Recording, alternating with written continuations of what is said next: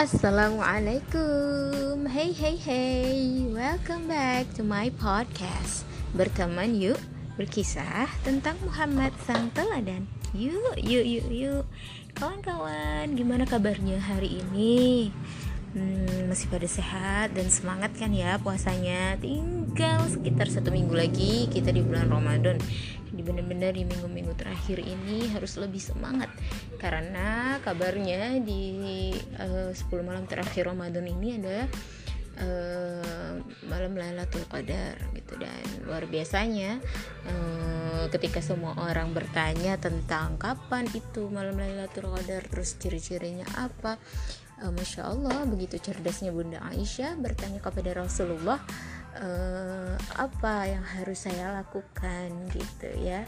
Apa yang harus saya lakukan? Ya Allah ketika uh, malam itu datang gitu. Jadi luar biasa sekali ya pertanyaan Aisyah ya.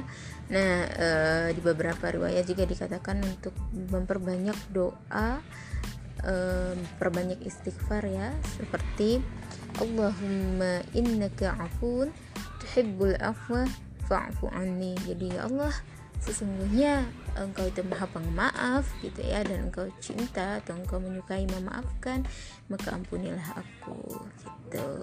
Yuk kita perbanyak ya mana tahu ya dosa-dosa kita di masa lalu Allah izinkan untuk dihapuskan dan hajat-hajat kita yang dengan padatnya aktivitas kita selama Ramadan ini yang tak tersampaikan yang tak terucapkan itu bisa diwakili dengan istighfar tadi dengan ya permohonan ampun kepada Allah tadi ya amin. Allah Allahumma amin. Nah seperti yang sudah saya bilang di episode sebelumnya bahwa hari ini kita akan masuk ke episode selanjutnya di jilid buku selanjutnya yaitu buku jilid kedua ya. Uh, Rasulullah Teladan Utama jilid kedua. Madinah yang bercahaya. Perjalanan hidup Rasulullah Shallallahu Alaihi Wasallam dari hijrah hingga wafat Nah, jadi di buku ini cahaya hidayah yang dibawa Rasulullah Shallallahu Alaihi Wasallam kepada masyarakat Mekah tidak serta merta mengubah kejahilian mereka, mengubah kejahilian masyarakat Mekah adalah perjuangan berat. Betapa banyak di antara mereka yang telah masuk Islam menjadi korban kejahatan musyrikin Mekah. Namun, dengan segala upaya dan keyakinan akan pertolongan Allah Subhanahu wa taala, Rasulullah Shallallahu alaihi wasallam menikmati puncak keberhasilan pada akhir hayatnya. Daripada berlama-lama kita langsung masuk aja ya. Di halaman pertama eh halaman kedua dari buku jilid kedua ini. Ada kisah tentang pengepungan.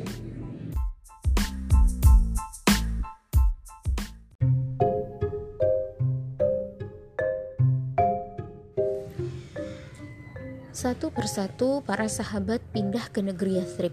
Di Mekah hanya tinggal beberapa sahabat, ada yang masih ditahan atau disiksa oleh orang-orang musyrik Quraisy.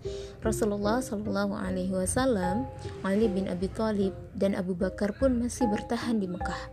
Melihat perkembangan Islam, musyrikin Quraisy mulai gelisah. Mereka lalu mengadakan rapat di Darun Nadwah pada pagi hari. Ketika itu iblis datang ke pertemuan. Dia menjelma lelaki tua yang penuh wibawa. Dia mengaku berasal dari Nejet. Dari pertemuan itu, mereka bersepakat untuk mengutus pemuda tangguh dari setiap kabilah. Tugasnya mengepung rumah Rasulullah Sallallahu Alaihi Wasallam. Allah Subhanahu Wa Taala mengutus malaikat Jibril untuk menemui Rasulullah Sallallahu Alaihi Wasallam pada siang itu. Malam ini, ujar Jibril, kau tidak boleh tidur di kasurmu.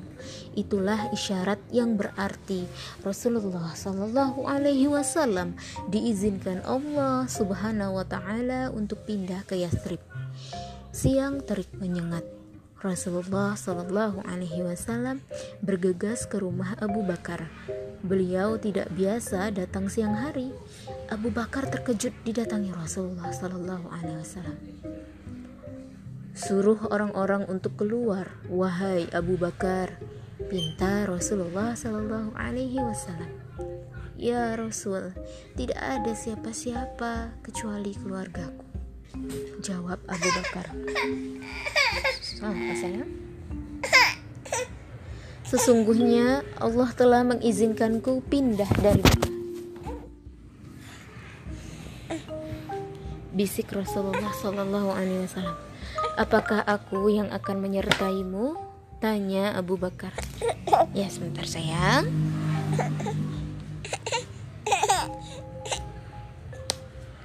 Bismillah. Uh, iya, sahut beliau. Abu Bakar menangis mendengar kabar itu. Dia merasa gembira.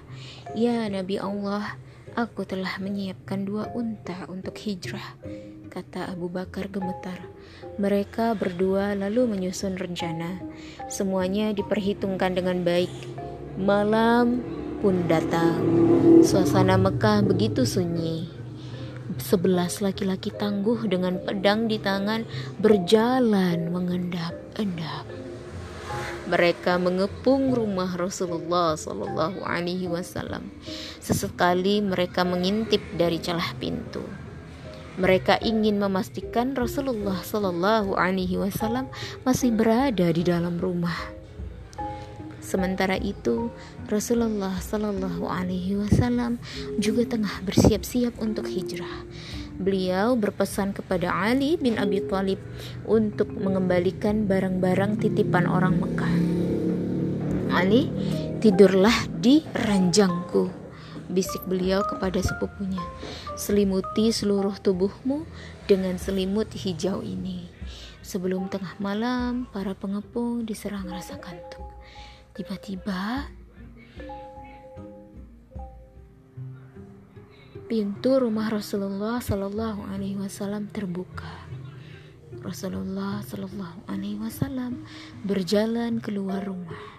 Beliau menaburkan pasir ke atas kepala para pengepung sambil membaca surat Yasin ayat 9. Masya Allah, Allah membuat mereka tertidur nyenyak. Mereka tidak menyadari kepergian Rasulullah Shallallahu Alaihi Wasallam. Lalu iblis yang menjelma lelaki tua dari Nejet itu datang lagi. Rencana kalian telah gagal. Muhammad telah keluar saat kalian masih di sini. Dia menaburkan tanah ke atas kepala kalian lalu pergi.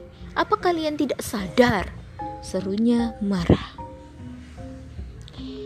Mereka segera berebut mengintip ke dalam rumah terlihat seseorang masih tidur di dalam dengan selimut milik Rasulullah Shallallahu Alaihi Wasallam.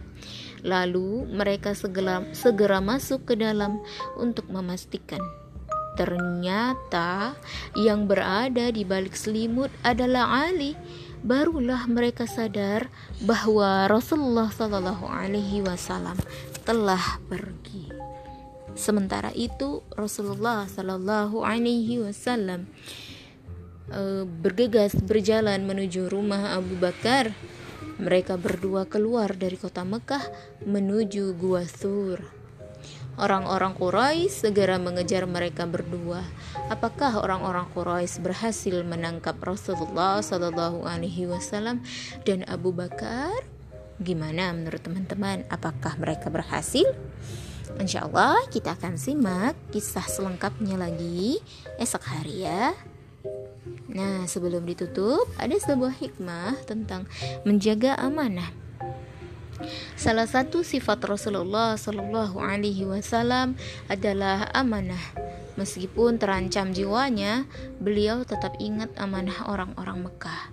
Beliau berpesan kepada Ali untuk mengembalikan barang yang dititipkan. Nah, tadi dalam kisah tadi sudah disebutkan ya. Anas bin Malik meriwayatkan bahwa Rasulullah Shallallahu Alaihi Wasallam bersabda, tidak beriman orang yang tidak menunaikan amanah tidak beragama orang yang tidak menunaikan janji. Hadis riwayat Ahmad dan Ibnu Hibban.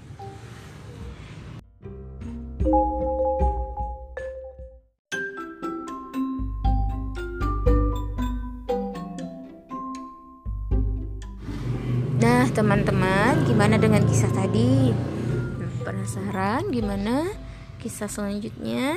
Insya Allah besok kita akan sambung lagi ya kisahnya. Hmm, ya, teman-teman demikianlah berkisah hari ini. Semoga ada manfaat yang bisa diambil dari kisah tadi ya.